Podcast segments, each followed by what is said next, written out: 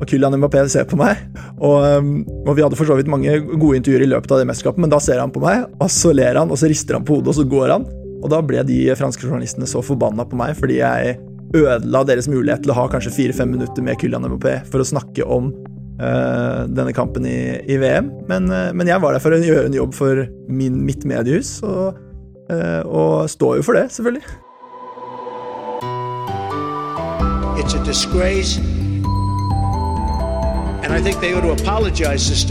Dominere mediebildet. Failing media. Pile of garbage. Pause. False and fake, fake, fake, fake, fake, fake.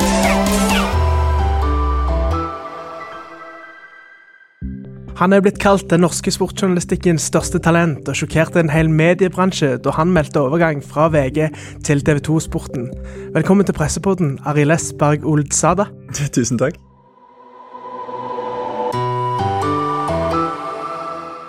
Sikre deg tilgang på det beste innholdet fra mediebransjen. Bli plusskunde i Medie24. Nå er det én krone for én måned uten binding. Vi ses på medie24.no.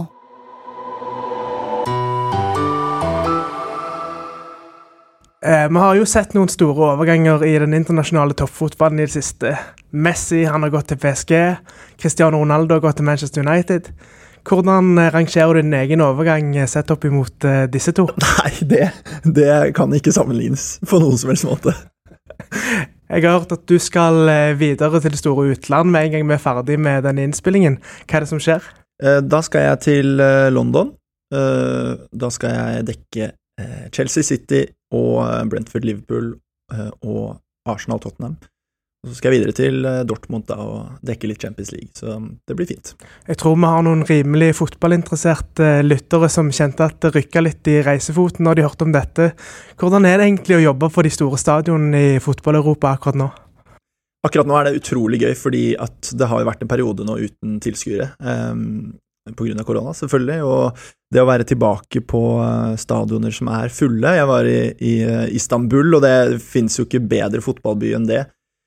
Å stå, stå, på indre bane foran uh, titusenvis av gærne tyrkere, det var uh, rett og slett fantastisk. Det er, uh, det er et privilegium, og det er jeg veldig klar over, at, at jeg har et, en, en privilegert jobb, og en jobb som mange syns virker som en drøm, og det, det er det på veldig mange måter òg.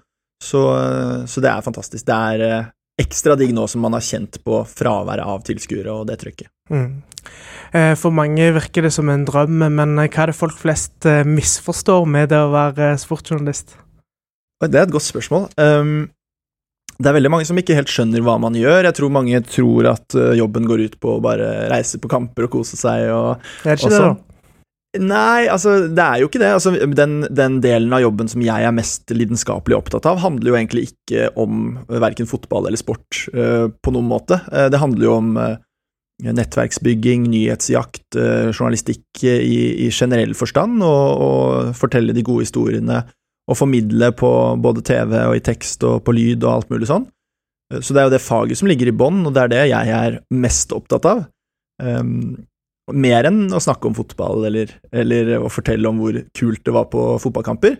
Men så er jo det selvfølgelig en fantastisk del av det. da. Det er jo en, en utrolig flott del av den jobben at man har mulighet til å reise til så mange kule byer, på så mange kule stadioner, og få, få møte såpass uh, kjente og spennende fotballspillere som, som veldig mange eh, bare kan drømme om å, å, få en prat med, eller uh, sånne ting. Men, men, når man har holdt på med det en stund, så glemmer man litt det. det blir, alt blir jo hva skal man si, Det blir ikke en hverdag, fordi jeg, jeg, er takknemlig hver eneste dag for at jeg har den jobben jeg har, og at jeg har muligheten til å gjøre det.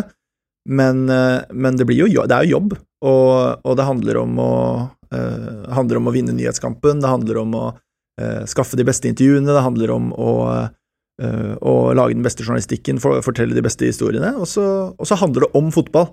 Men jeg er veldig opptatt av at um, jeg gjør denne jobben først og fremst fordi at jeg er lidenskapelig opptatt av journalistikken, og så syns jeg fotballen er en fantastisk arena eh, å drive journalistikk innenfor. Eh, men, men, jeg har jo ikke den jobben først og fremst fordi at jeg er en fotballfan, da. Og det tror jeg kanskje er den største Hvis man skal lande på et svar, så tror jeg det er den største misforståelsen. Du drar selv inn nettverksbygging tidlig her. Det hadde jeg tenkt vi skulle komme tilbake til, men jeg må bare spørre deg. Det er ofte du som har eh, byline når arbeidsgiverne dine breaker de største nyhetene i idrettsverden. Hvordan går du fram for å bygge nettverket ditt?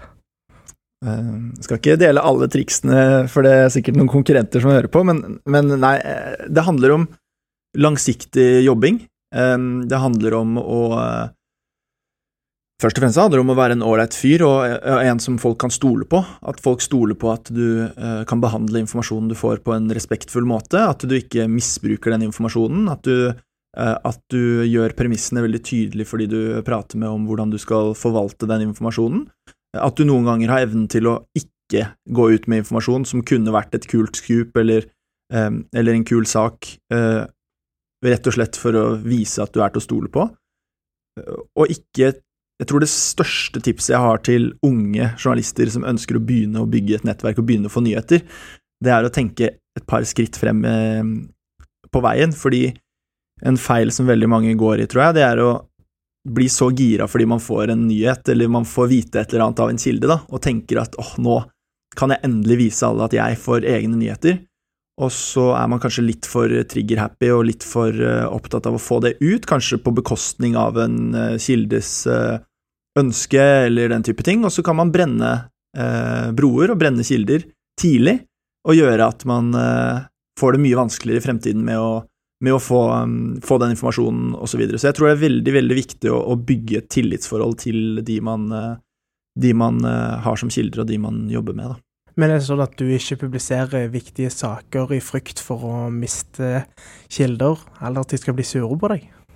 Nei, det er det ikke. Eh, jeg er alltid i en balansegang mellom hvor viktig saken er, og, og, på en måte kildenes ønsker osv. Uh, og stort sett så er ikke det noe problem i det hele tatt, men vi vet jo veldig mye mer enn det vi skriver til enhver tid. Det er ikke alltid du kan gå ut med all informasjonen du har, det hender at du må vente litt med å gå ut med informasjonen du har, det hender du må ha flere kilder, for eksempel. Men det er aldri sånn at det går på bekostning av, at, av informasjonsbehovet. Det er ikke sånn at uh, Norges uh, befolkning nå ikke vet noe de burde visst fordi at jeg tar hensyn eh, til en kilde som, uh, som kan bli sur. Det, sånn er det ikke i det hele tatt, men det er en balansegang, og det er et spill, og, og det spillet det lærer man seg å, å, spille når man er i det. Og det er, det er et fascinerende spill, definitivt, som hva skal man si, som inneholder veldig mange nyanser, og, og, og hvor man må ta, gjøre noen kompromisser og sånn. Fordi jeg tror en misforståelse folk har, er at man tror at man skal være uh, Hva skal man si At man uh, At man skal Altså, det er ikke en motsetning å være beinhard journalist som breaker de viktigste nyhetene osv., og, så og å være en fyr som er samarbeidsvillig, og som er tillitsfull, og som kan bygge et godt forhold til noen.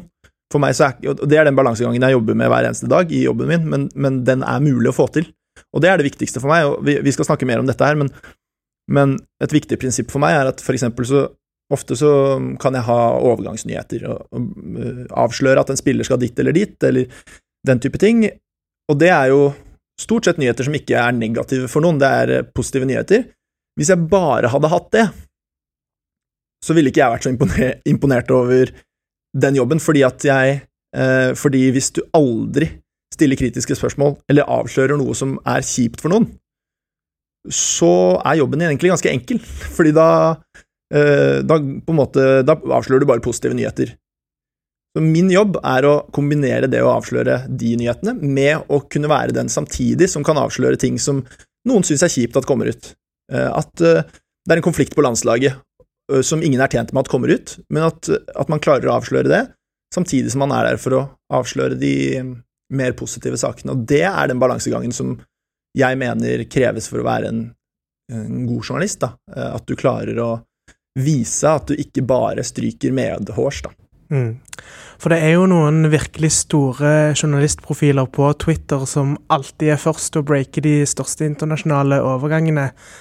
Er de egentlig journalister når de ikke lager noe kritisk, mener du? Det er et godt spørsmål. Jeg, jeg, jeg vet ikke mye jeg Altså, jeg, jeg, har jo ikke lyst til å um, Jeg vet ikke hvor mye jeg skal si om akkurat det, men, men det jeg mener sånn rent uh, prinsipielt, er at uh, det er ikke så vanskelig å være en kommunikasjonskanal for klubber, spillere, agenter osv. i seg selv. Hvis du aldri er på den andre siden og kombinerer det med, med kritisk stoff, uh, så er det ganske mye lettere. Men med en gang du har som jobb å også avsløre de tingene som er litt mer lyssky, som er eh, som, som, kan gjøre noen forbanna. Det er da den balansegangen som er utfordrende i journalistikken, begynner, da.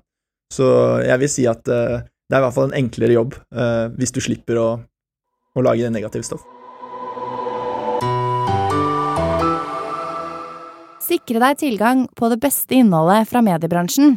Bli plusskunde i Medie24. Nå er det én krone for én måned uten binding. Vi ses på medie24.no. Vi skal komme litt tilbake igjen til forholdet til kildene litt eh, utover i podkasten, men eh, nå må vi snakke om elefanten i rommet, Ariles. Du var egentlig klar for eh, TV 2 for et år siden, men så ombestemte du deg plutselig og ble værende i VG i et år til. Hva var det egentlig som skjedde? Um, det er et godt spørsmål som jeg har fått veldig mange ganger. Um, det som skjedde, var, jeg, det var Det var mye som skjedde. Det var en vanskelig beslutning, og så var jeg i en Litt, også av personlige årsaker en veldig vanskelig periode for meg uh, i livet. Um, og jeg trenger ikke gå, jeg har ikke noe behov for å gå veldig mye nærmere inn på det. Hvis folk har lyst til å spørre meg om det, så er, er ikke det noe problem. Jeg snakker gjerne om det, uh, osv. Men det det lærte meg, blant annet, var jo at, um, at man skal ha en form for Man skal ha en respekt for at folk kanskje går gjennom ting som, som man ikke vet, og som man ikke kjenner til, uh, før man dømmer uh, på den måten. Og det har jeg også på en måte fått mer bruk for i journalistikken min når man har hatt egne erfaringer som, som um, viser deg det, da. Når man får mye spørsmål om ting, og folk tror at du kanskje er en drittsekk fordi du snur i døra og sånn, og så er det og så er ikke det hele historien. Så, så, uten at jeg har lyst til å gå så veldig mye mer inn på det sånn i denne sammenhengen her, så tror jeg det er, en viktig ting å ha med seg, da. Mm. Har du fått mer eh, respekt og forståelse for kilder som står i vanskelige situasjoner etter det du har opplevd sjøl? Ja, definitivt. Jeg tror det å Hva skal man si Det å være gjennom tøffe ting eh, personlig gir deg et helt sånn utrolig verdifullt perspektiv på eh, det vi jobber med som journalister, som er dialog med mennesker, forstå, eh, forstå oss på mennesker og ha det menneskelige aspektet også, ikke bare Jeg er jo en journalist, men jeg er også et menneske og et medmenneske osv., og, og, og det å huske på at uh, at man skal behandle det med respekt og ha det i bakhodet, men også kunne ha samtaler om, om litt dypere ting enn bare eh, hva resultatet ble i en fotballkamp, eller hvilken formasjon man velger. Det, det har definitivt eh, hjulpet meg som journalist og, og, som menneske med å bli mer, ja, mer, mer forståelsesfull og empatisk tror jeg. Mm. Du kom jo til TV 2 fra tabloidavisen VG, Ariles, og da føler jeg meg litt programforplikta til å stille deg og et litt uh, tabloid spørsmål. Uh, det var ikke for å presse opp prisen og få en bedre kontrakt at du ombestemte deg for å gå til TV 2 første gang? Nei, det var, det var, det virkelig ikke. Det er sikkert folk som tenker det, men det var det ikke på noen som helst måte. Det, og det vet alle involverte. Og det må jeg bare si, at jeg har jeg er så utrolig takknemlig for både VG, sjefene i VG, eh, Eirik Boru og Gard Steiro og Tora Håndlykken og Øyvind Brenne osv., videre og, og i TV 2, eh, med spesielt Vegard Jansenhagen, som jeg har hatt mye med å gjøre, som har hatt så stor respekt og forståelse for meg i den eh, vanskelige prosessen jeg var i med, med det jobbskiftet som ikke ble et jobbskifte, og, og, og andre ting, at jeg jeg syns rett og slett det har vært rørende å se hvor stor eh, måte, Hvor mye menneskelig forståelse også det, det fins i en bransje som kanskje kan oppleves litt sånn tøff. Eh, men det hadde ingenting med det å gjøre. Eh, altså ingenting med å presse opp noen eh, lønning eller noe som helst å gjøre. Det var rett og slett eh, andre ting, og, og ting som jeg syns eh, alle involverte håndterte på en utrolig fin måte, da, som jeg er veldig, veldig takknemlig for. Du var jo ganske ung da du kom inn i VG, og du var der i en lengre periode. Hva lærte du av tida i VG-sporten? Oi, det, det, er en egen podkast, det var jeg lærte i tiden i VG-sporten. Jeg var jo 19 år da jeg begynte i VG. Jeg, jeg kom inn som uh, sommervikar. Jeg hadde intervju med Øyvind Brenne hvor jeg Jeg tror blant annet han spurte meg hvordan jeg hadde tenkt til å Hva tilnærmingen min var til kildebygging osv., og, så og så sa jeg At uh, nei, i Norge tror jeg ikke det er et problem, for her kjenner man liksom alle. Det er såpass lite at det, det skal ikke bli noe problem. Altså, det, er ganske, det er jo en ganske cocky melding av en 19-åring som ikke aner hva han snakker om. Um, og da jeg fikk fast jobb i 2018, så sa sa jo Øyvind Brenne til meg at nå, nå, er du så god som du trodde du var da du fikk fast jobb som, Nei, da du fikk sommervikariat som 19-åring. Så jeg har jo vært på en, hva skal man si, en lang reise fra å ikke vite noe som helst om mediebransjen og, og, det yrket jeg gikk inn i. Jeg hadde aldri jobbet med nyheter, jeg hadde aldri eh, behandlet kilder, jeg hadde aldri um, gjort noe som helst. Og så, og så, føler jeg at jeg har lært helt vanvittig mye og vært uh, gjennom mye, men, men, jeg kan jo oppsummere, så er det um, Jeg har lært av de beste innenfor nyhetsjournalistikken, uh, og det å være raskt ute med ting, det å behandle informasjon og etiske vurderinger med utrolig stor etterrettelighet. Det er VG helt fabelaktig flinke på, og mye flinkere enn jeg tror folk tror, eh, eller folk har inntrykk av fra utsiden. Fordi det er klart, VG er en slags bølle, eh, hvis du ser det fra utsiden i, eh, i norsk medieverden, fordi at man tenker altså du, og Nå snakker jeg ikke om folk innenfor mediebransjen, nå snakker jeg om folk flest som tenker at ja, VG er bare clickbait, og de er bare sensasjonsjagende, og det er bare sånne ting. Det er en del misoppfatninger om VG. Og så er det en helt utrolig profesjonalitet uh, internt når det kommer til uh, som sagt etiske vurderinger, folk som er helt vanvittig flinke i verdenstoppen når det kommer til graving, når det kommer til digital journalistikk uh, og, og, alt det der. Og, og, jeg har jo lært av alle disse avdelingene, av alle disse folkene. Jeg har lært hvordan man forteller historier digitalt. Jeg har lært jeg ble kastet inn i en eh, reality-TV-serie om eh, Lillestrøm, hvor jeg fulgte de tre måneder fra innsiden, og før jeg begynte med det, så hadde jeg ikke tatt i et kamera. Eh, men på dag én så filmet jeg og redigerte og publiserte og alt mulig sånn. Du blir kastet rett ut i det, og må kanskje svømme litt på dypt vann i starten, og så lærer man helt vanvittig mye av det. Så jeg har, altså jeg har alt å takke VG for når det kommer til ja, hva jeg kan innenfor journalistikken nå, enten det handler om nyheter, eller om det handler om, om kildearbeid, eller om det handler om TV eh, og, og, formidling og alt. Så det Jeg er evig takknemlig for VG, for det er, det er rett og slett et ekstremt, ekstremt uh, bra sted å være. Både sånn menneskelig, men også faglig. da. Det er så flinke folk der. Det virker som om 19 eh, år gamle Arild S allerede hadde blikket vendt mot sydligere breddegrader og det store utland. Hva er den største forskjellen mellom å jobbe som sportsjournalist i Norge og i utlandet, vil du si? Den største forskjellen er jo tilgangen, i hvert fall innenfor det jeg jobber med, med fotballen, er eh, tilgangen. Eh, fordi i Norge, og det er en grunn til at jeg syns at det mest givende rent faglig er å jobbe f.eks. med Eliteserien eller med det norske landslaget eller den type ting, fordi du faktisk har tilgang til primærkildene. Du kjenner spillerne, du kjenner lederne, du kjenner um, foreldrene til spillerne, du kjenner agentene til spillerne, du kjenner uh, alle folkene og kan ha direkte kontakt med dem, og det gir et journalistisk arbeid som er mye mer givende fordi du faktisk har en innflytelse over det du lager, uh, over det du publiserer, over uh, intervjuene du gjør, osv. Det er en mye mer ja, det er, jo, det, er mye, det er, mye, mer genuint. Fordi i utlandet så har du store vegger eh, som er satt opp mellom pressen og, eh, og, spillerne og de du faktisk dekker. Eh, og Da snakker jeg ikke om fysiske vegger, men jeg snakker om eh, medieapparater og profesjonelle aktører som eh, rettighetshavere, eh, Uefa, Fifa, klubbene osv.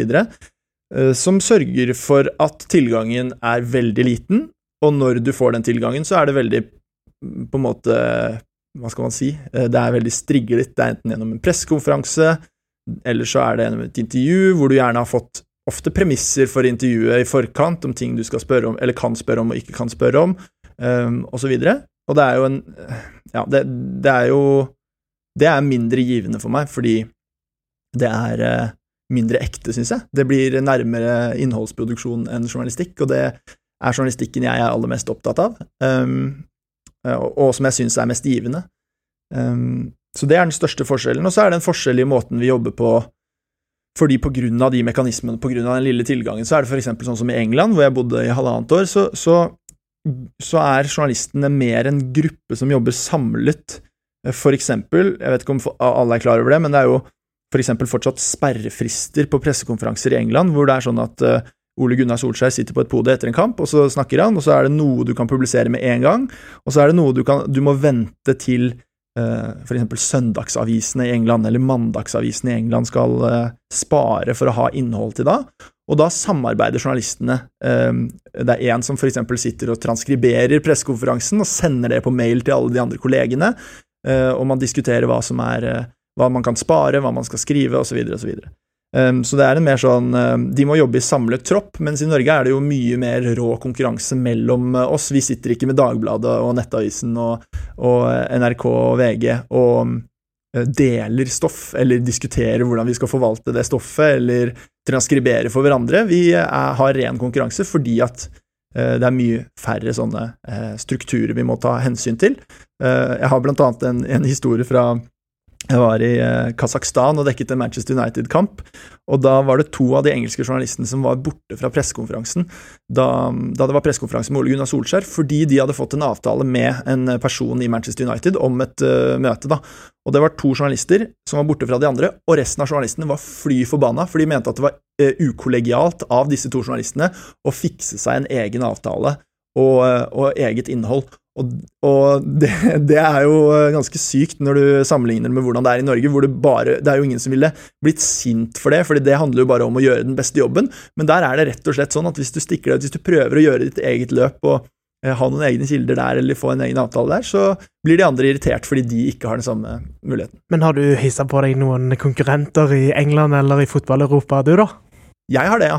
Eh, jeg har eh, hisset på meg eh, franske journalister, blant annet. Jeg husker under VM i 2018 i Russland, da de vant, så Altså, jeg snakker jo fransk, og, jeg er oppvokst i Frankrike og har snakket fransk hjemme hele oppveksten, så jeg snakker også en fransk som ikke er Det er ikke så veldig mye aksent på den, så jeg høres fransk ut. Og Derfor så sto jeg med de franske journalistene, og Kylian Mbappé kommer ut etter en kamp og skal gjøre et intervju. Det var samme dag som Cristiano Ronaldo hadde signert for Juventus og forlatt Real Madrid. Og Frankrike var jo videre, jeg tror de var videre til semifinalen i, i VM eller noe sånt. og og det ville jo de franske journalistene snakke om. De hadde lyst til å snakke om kampen, de hadde lyst til å snakke om alle mulige ting som franske aviser er eh, opptatt av. Mens jeg var der jo for, for VG, og jaktet jo uh, en inngang som var interessant for VGs lesere, og tenkte kanskje ikke så veldig mye på at jeg skulle spille på lag med disse franske journalistene, så de stilte ett spørsmål, og det andre spørsmålet kom fra meg, og det handlet om Cristiano Ronaldo, og at det var da en ledig plass i Real Madrid til Kylian Mbappé. Jeg spør om det, og Kylian Mbappé ser på meg, og, um, og vi hadde for så vidt mange gode intervjuer i løpet av det mesterskapet, men da ser han på meg, og så ler han, og så rister han på hodet, og så går han. Og da ble de franske journalistene så forbanna på meg fordi jeg ødela deres mulighet til å ha kanskje fire-fem minutter med Kylian Mbappé for å snakke om uh, denne kampen i, i VM. Men, uh, men, jeg var der for å gjøre en jobb for min, mitt mediehus, og, uh, og står jo for det, selvfølgelig. Ja, hva sier du til de da, når en skokk med journalister står og skjeller deg ut på fransk? De trodde jo at jeg var fransk, da, så de trodde jo at jeg var en, en fransk avis. Jeg skjønner at de reagerer når de tror at en fransk journalist begynner å spørre om Cristiano Ronaldo når Frankrike har tatt seg videre i VM og Kylian Mbappé har har bidratt til det.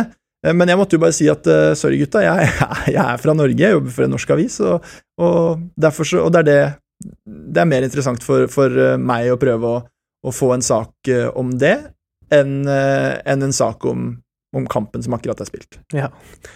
Eh, apropos det å hisse på seg noen, eh, hvordan reagerer ja, Liverpools Jørgen Klopp eller Pep Guardiola hvis eh, du stiller et spørsmål som de ikke helt har sansen for? Jürgen Klopp eh, ble ikke fornøyd da jeg spurte han om Qatar. Dette var et intervju som eh, jeg gjorde i VG i eh, høsten 2019 i forbindelse med at vi hadde rettighetene til, til klubb-VM, som ble spilt i Qatar. Så jeg var på, på Melwood, på treningsanlegget til Liverpool, og gjorde et intervju med, med Jürgen Klopp og spurte han om dette, og dette var jo i en tid hvor Liverpool akkurat hadde tatt en beslutning om å bytte hotell i Qatar fordi det hotellet de hadde bygget fra før, hadde en dårlig historie knyttet til menneskerettigheter og fremmedarbeidere osv. Så, videre. så jeg spurte han hva hans uh, innstilling til det å spille fotball i Qatar og, og, og, spørsmålet rundt menneskerettigheter og alt det som man snakker om nå i forbindelse med VM, og da sa han at det var uh, absolutely not okay, dette spørsmålet som jeg stilte.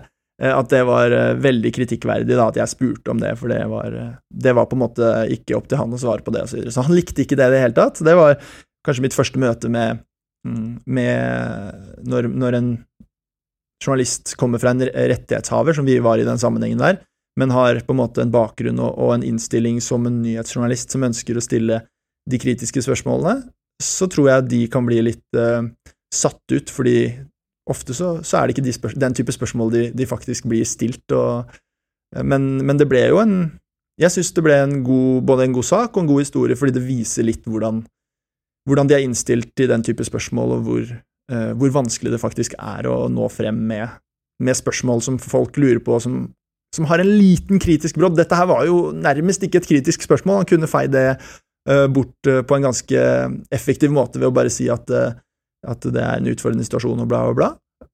Men han valgte å ta den tonen. Så det. Men hva sier presseansvarlig til dette da i, i klubbene? De er ikke fornøyd. Nei.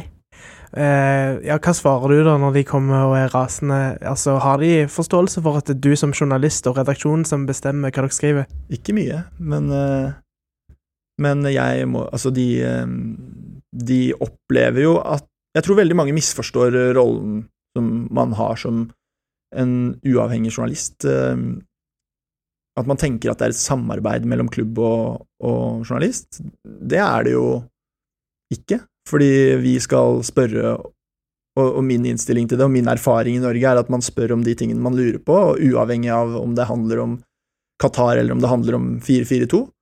Eh, men eh, som vi var inne på i stad, så er det litt annerledes internasjonalt, og da, da, er de kanskje ikke så vant til det, fordi veldig mange journalister som er innenfor denne rettighetssfæren, jobber jo ikke som nyhetsjournalister samtidig, de er kanskje eh, bare formidlere på TV for en rettighetshaver som ikke har noen nyhetsplattform. Sånn som vi eksempel har i TV 2, hvor vi både er en nyhetsredaksjon og en redaksjon som dekker ting, eh, eh, altså fotballrettigheter og sportsrettigheter og events, da. Og den balansegangen er utfordrende, og den balansegangen kan kanskje være uvant for en del av de mediepersonene som jobber i f.eks. engelske klubber, hvor de er vant til at pressen stort sett stiller ganske snille spørsmål. Men eh, vi så jo at eh, sir Alex Ferguson, tidligere Manchester United-manager for de som ikke er helt bevandra i fotballen, han eh, kasta jo ut journalister fra pressekonferanser og treningsanlegg og det som verre var i tide og utide. Kan det skje med deg hvis du er litt i overkant kritisk, tror du?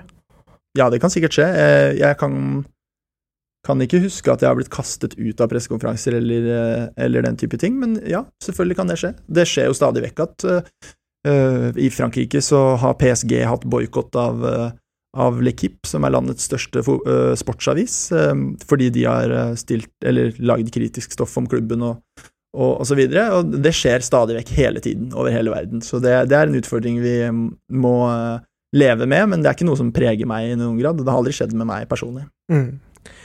Eh, du har jo vært litt inne på din eh, franske tilknytning, at du snakker fransk. og På, på den måten så har du jo en mangfoldskompetanse. Eh, hvordan har den blitt sett på i de redaksjonene du har jobba i? Eh, språkene mine har jo blitt sett på som en stor styrke, og jeg har hatt veldig mye bruk for det. Både fransk og spansk eh, har jeg fått veldig veldig mye utbytte av, og er selvfølgelig en styrke å ha, på CV-en. Det er jo noe som kommer eh, veldig, veldig godt med, spesielt når jeg jobber med fotball, internasjonal fotball, og, og det kan være en fordel å gjøre litt mer interessante intervjuer med aktører som kanskje ikke er så gode på engelsk, eller som ikke snakker engelsk i det hele tatt, så er det en døråpner å snakke fransk og snakke eh, spansk. Så på den måten så har det uh, definitivt vært en veldig stor styrke, og noe som, som jeg har brukt til min fordel. Um, når det kommer til mangfold på en litt annen måte, så har ikke det vært så veldig mye tema, egentlig. Uh, men du, hva, hvordan mener du mangfold på den måten? Nei, jeg tenker jo litt med din, din ditt kulturelle mangfold og ditt uh, etniske mangfold og den kompetansen som du bringer med deg. Media24 er en redaksjon som prøver å sette søkelyset på uh, mangfoldet, eller snarere kanskje mangelen av mangfold som vi har i bransjen vår. Men jeg vet ikke hva tenker du om det. Er bransjen vår mangfoldig nok, eller er det blenda hvitt? Nei, det er jo ikke mangfoldig nok i det hele tatt. Men det er jo bare å se på alle redaksjonene og se, sammenligne hvem vi dekker. For, ta fotballen, for eksempel. da. Så har du fotballen, så har du et ganske stort mangfold i, eh, i de eh, beste fotballspillerne vi har, eksempel. Vi har Mohammed El som har bakgrunn fra uh, Marokko. Vi har Omar El Abdelawi, er også fra Marokko. Vi har Joshua King, som, som har utenlandsk bakgrunn. Vi har mange, mange fotballspillere, idrettsutøvere, eh, som, som, da er innenfor den, den bransjen som jeg dekker mest. Og så har vi redaksjoner hvor det er eh, hvor det er lite mangfold sammenlignet med det. Så jeg tror det må være en, et mål for alle redaksjoner i verden at man skal gjenspeile det samfunnet man er en del av, og det opplever jeg jo at at mediebransjen i Norge ikke gjør, da. Det er det nok ingen tvil om. Jeg eh, er jo Jeg tror kanskje det er veldig få Eller det er få som ser på meg som Hva skal man si Det, Jeg tror ikke det er så mange som tenker at jeg er en utlending. Men jeg er jo det. Altså, navnet mitt er jo fra Algerie. Jeg har berbisk opprinnelse. Jeg er født i Sveits og oppvokst i Frankrike. Og jeg føler meg jo ikke som en uh, Hva skal man si Som en uh, utlending på den uh, måten. Men jeg opplever at for eksempel Altså, jeg har knyttet flotte relasjoner med fotballspillere, med aktører som har en, en minoritetsbakgrunn, som kom, har kanskje et litt annerledes etternavn, eller som ser litt annerledes ut enn den, den vanlige nordmann som setter ekstremt stor pris på at jeg, bare det at jeg har eh, familie fra et annet sted, at jeg har et navn som er fra et annet sted, at jeg kan relatere til dem, er noe som, som gjør at jeg Det er helt åpenbart at de eh, setter pris på det, at de syns det er eh, forfriskende eh, og deilig å se at de også kan finne folk som, eh, som har en lignende bakgrunn som dem, som kan relatere til en del av de verdiene de har, en del av den mentaliteten de har, en del av den oppveksten de har. Og, og, det tror jeg Det tror jeg bare vi har, er tjent med å ha mer av, da, fordi, fordi det er helt åpenbart at og, jeg kan ikke nok om Jeg kan ikke nok om det arbeidet som foregår for å uh, endre det, men jeg går ut fra at det jobbes med i, i alle redaksjoner um, og, og, på et mer overordnet plan. Uh, og jeg kan ikke nok om hva man bør gjøre for å stimulere det. Altså, der har ikke jeg kompetanse.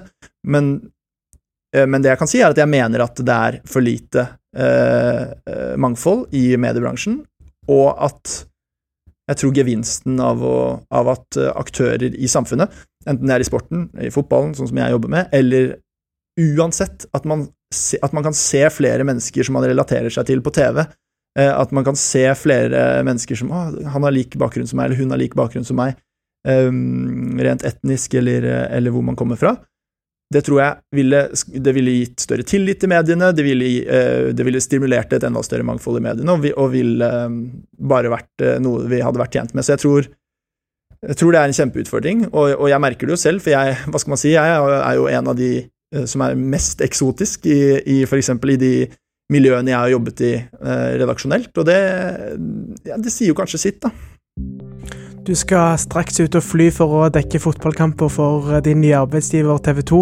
Tusen takk for at du tok deg tid til å komme innom pressepodden før det, Arild Esberg Oldsada. Tusen takk igjen. Veldig hyggelig.